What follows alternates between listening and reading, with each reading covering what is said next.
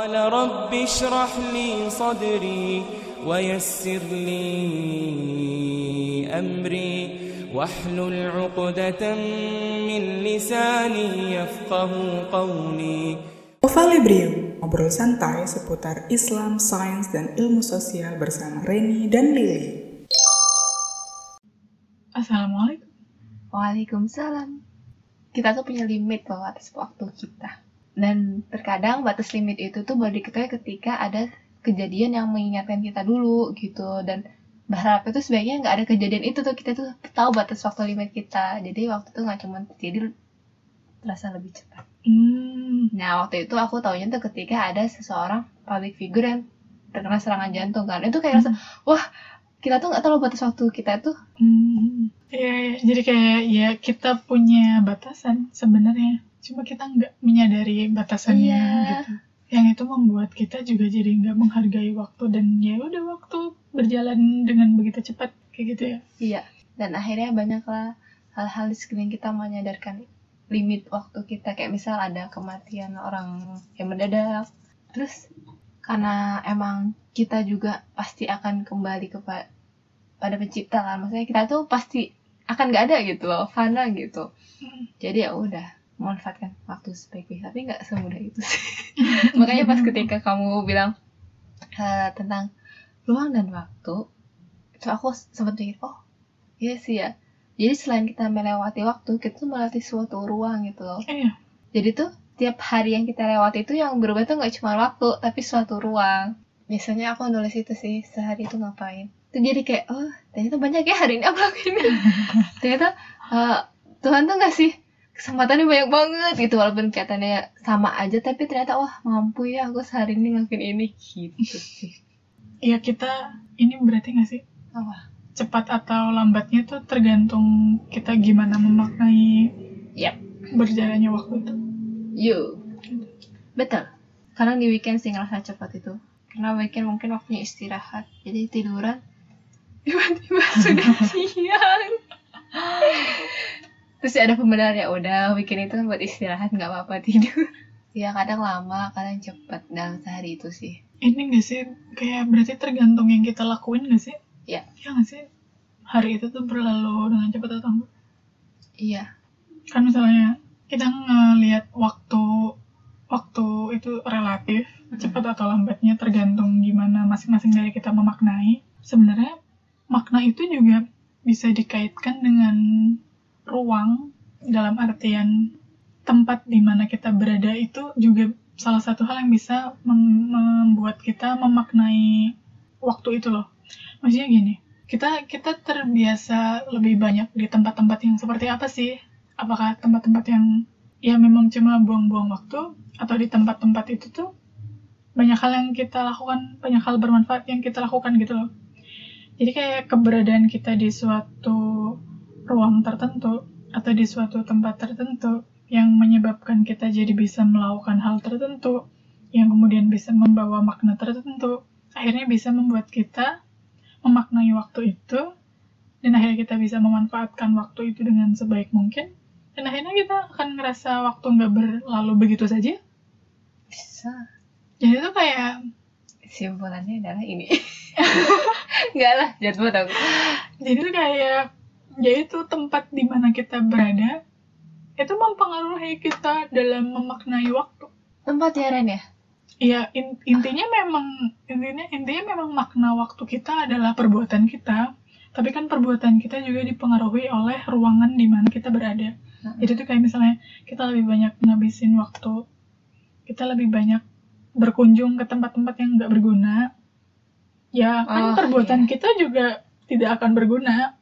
Nanti juga kita tidak akan memanfaatkan waktu seberguna mungkin.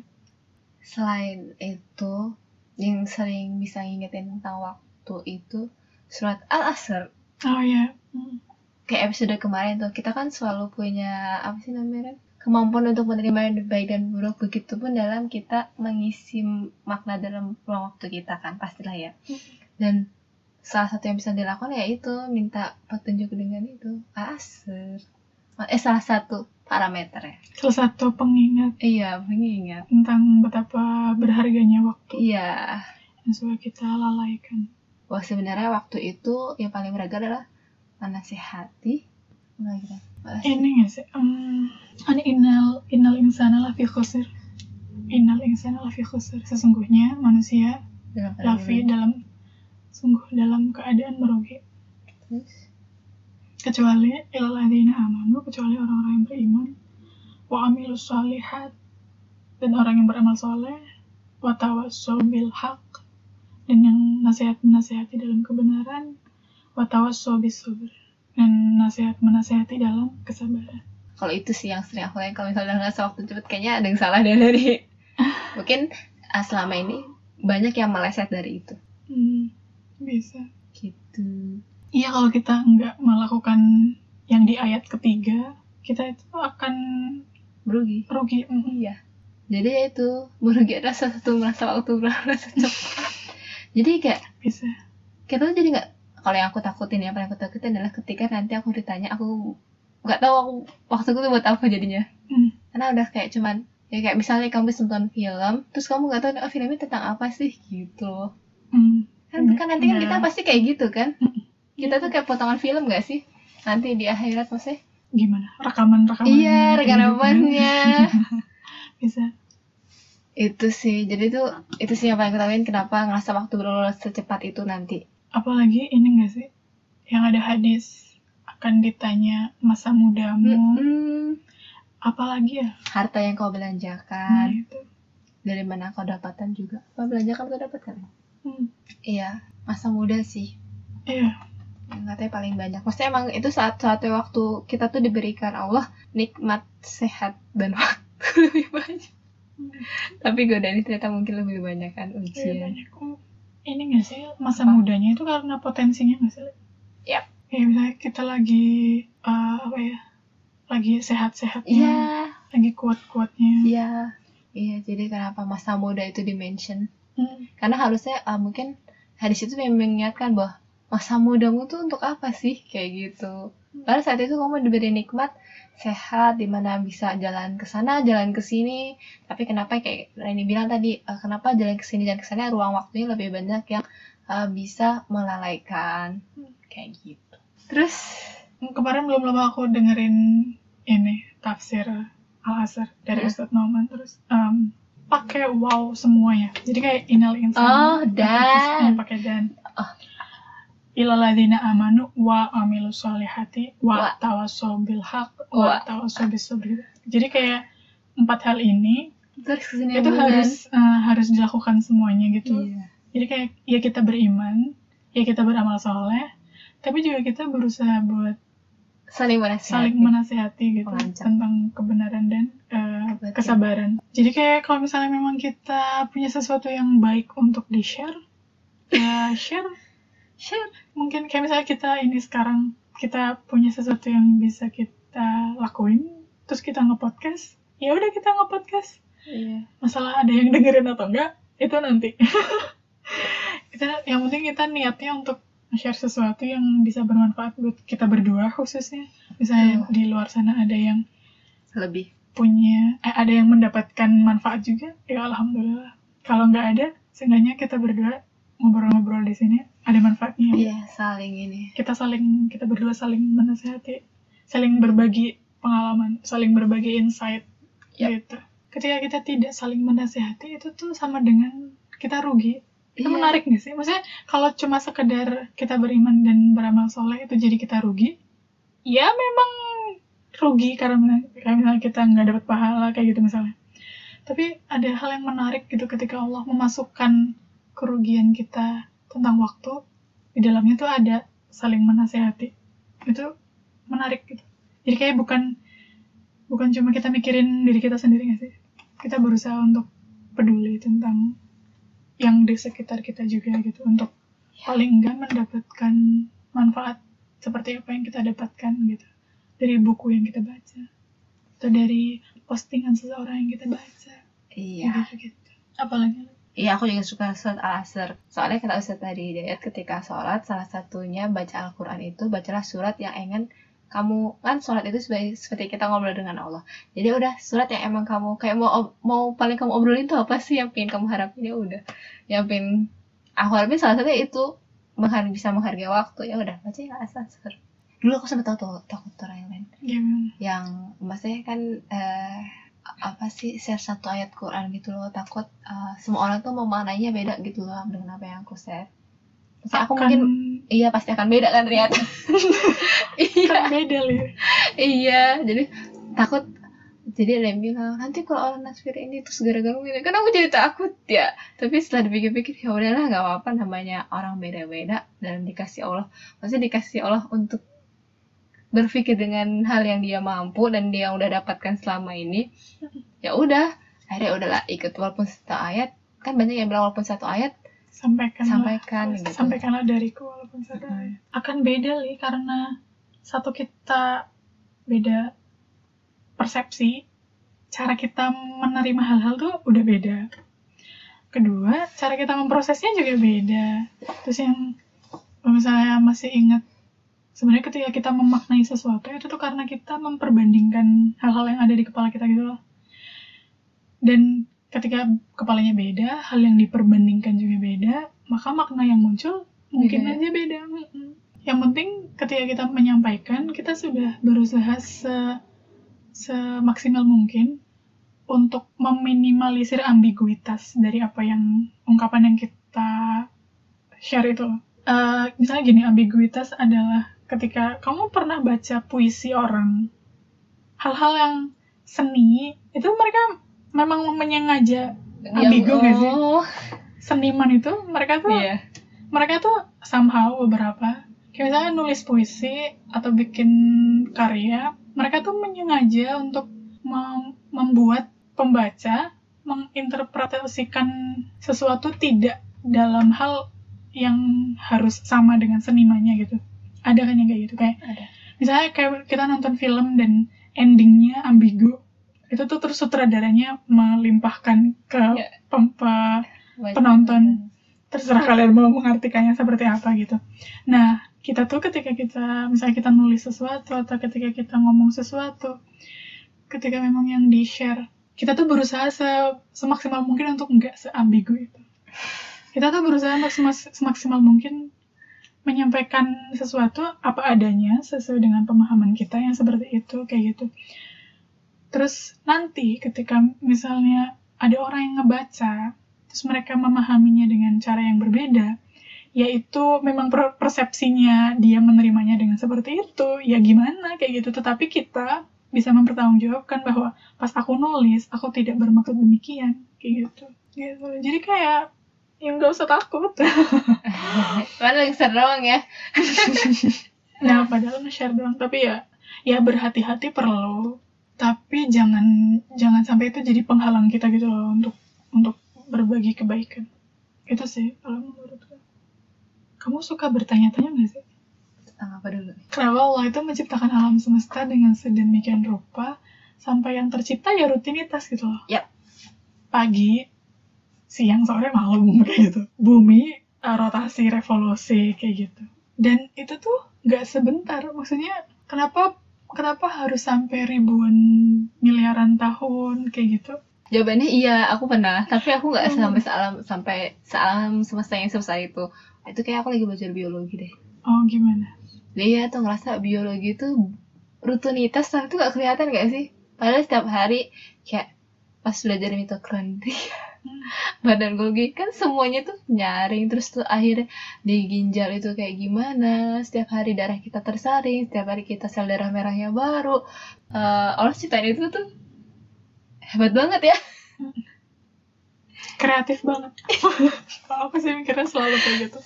Iya keren Kalau banget. soal alam semesta Keteraturannya tuh bener-bener kayak. Wow, bahkan sekecil itu Ren, ah, aku ngerasa kecil ya ternyata nyari ginjalku tuh.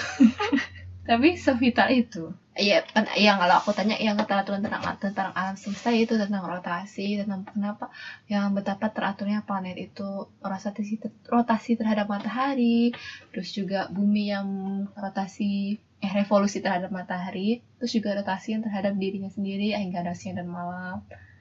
Terus kenapa bisa ada gas edar yang masing-masing dengan jarak tertentu jadi nggak tabrakan ah itu keren banget sih Seiring berjalannya waktu, ya seiring ruang waktu kita berganti-ganti itu sih sebenarnya kita terus-terusan mengalami perubahan gitu. Mungkin kita ngelihat keseharian kita cuma rutinitas padahal sebenarnya ada hal-hal yang berubah. Yaitu tadi yang kamu sebutin kayak sel-sel kita beregenerasi ginjal kita bekerja. Uh kayak gitu.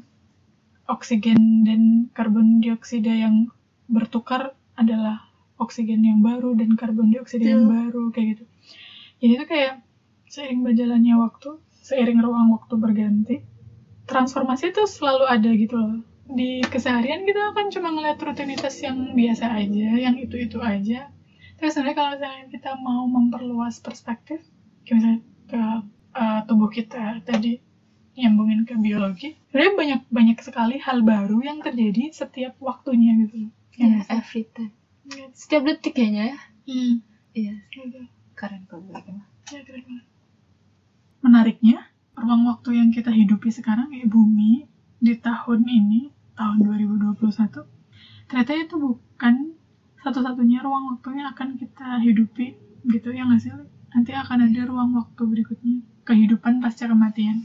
iya iya pasti ada ada yang alam kubur pada manusia Hmm. Ya, ada masih ada ruang waktu yang harus kita lalui gitu loh sebelum nanti Iya. ruang waktu kita berakhir di semoga kita berharapnya berakhir di surga dan waktunya adalah keabadian. Iya. Yang nggak kebayang Apa? gimana itu hidup abadi. ya iya Ta- tapi emang udah dijelaskan ya sih di Al-Quran ya di Ar-Rahman Hmm, yang buat maksudnya dia di Ar-Rahman terus Al-Waqi'ah hmm, yang golongan-golongan masuk surga itu nanti seperti apa sebenarnya udah ada tapi tetap kayak masih belum nggak kebayang. ya di dunia aja seenak ini maksudnya Alam semesta yang sekarang aja udah semenakjubkan Iya. ini. Apalagi alam semesta yang nanti. Apalagi misalnya kita bingung tentang apa, kita tinggal tanya sama Allah nanti. Ya Allah, apa itu cahaya gitu. Kalau di sini kita harus percobaan nanya si atom sih masih atom. Ya Allah, apa itu atom?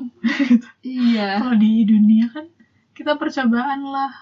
Heeh. Ternyata cahaya adalah partikel. Atau cahaya adalah gelombang kayak gitu. Bagaimana cara kita hidup di sekarang itu nanti akan efeknya tuh akan ke bawah nanti di ruang waktu yang selanjutnya.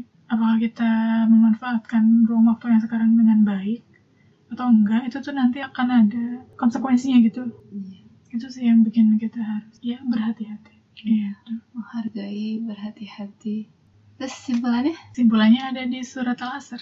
manusia itu merugi sebenarnya dilahirkan sebagai seorang manusia tuh sesuatu hal yang mengerikan sesuatu hal yang bisa menakjubkan juga loh Ren sesuatu hal yang nah itu ya ada dua eh kalau saya merujuk ke satu ayat di Iya. Al-Asr di ayat kedua innal insana lafi khusar sesungguhnya manusia berada dalam kerugian. Jadi somehow diciptakan jadi manusia itu penuh dengan kerugian. Tapi terus ada lagi yang di surat Atin itu loh yang uh, manusia diciptakan dengan sebaik-baik. Atin laqad laqad khalaqnal insana fi ahsani taqwim. Oh. Itu Atin ayat, ber- ayat berapa ya Li? Aku juga tahu wati ini wasa itu tulis ini. Bahadal baladil amin. Keempat. ayat keempat laqad khalaqnal insana fi ahsani taqwim. Ya memang innal insana lafi khusr.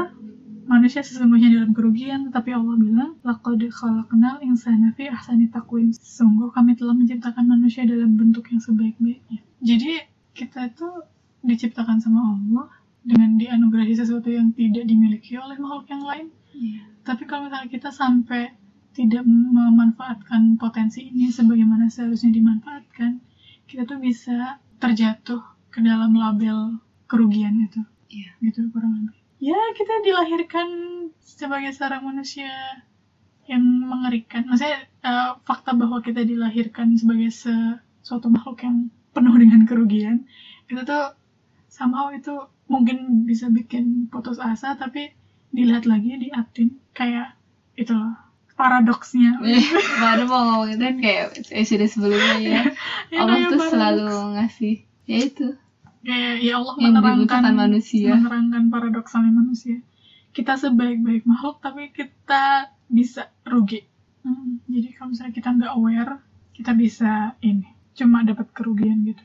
Kalau misalnya kita nggak aware kita bisa yang sebenarnya kita bisa mencapai suatu potensi tertentu tapi karena kita tidak memanfaatkan waktu sebaik mungkin kita tuh malah bisa terjatuh sejatuh-jatuhnya. Dan itu mirip sih kalau misalnya di Atin sama di Al-Asr kalau di Al-Asr kan manusia memang rugi kecuali yang beriman yang beramal soleh yang saling menasehati di dalam kebenaran dan yang saling menasehati di dalam sabar kesabaran. Di Atin juga kan disebutnya Atin ayat keempat tadi sungguh kami telah menciptakan manusia dalam bentuk yang sebaik-baiknya. Di ayat sel- selanjutnya kemudian kami kembalikan dia ke tempat yang serendah-rendahnya.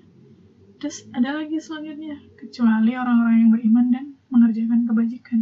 Jadi kayak mereka dua ayat eh dua surat ini senada gitu deh bahwa ya kita punya potensi yang luar biasa tapi kita menyimpan kerugian yang luar biasa dan biar potensi ini bisa kita manfaatkan biar takdir kita diciptakan sama Allah sebagai manusia tidak membawa kerugian nah itu.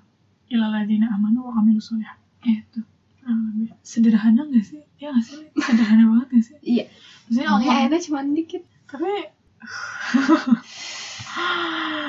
tapi hikmahnya luar biasa. Dan iya ya terkadang kita lalai gitu sih. Tapi hal ya memang hal sederhana tuh bikin kita menggampangkan gitu soalnya. Yang mudah itu masuk gampang.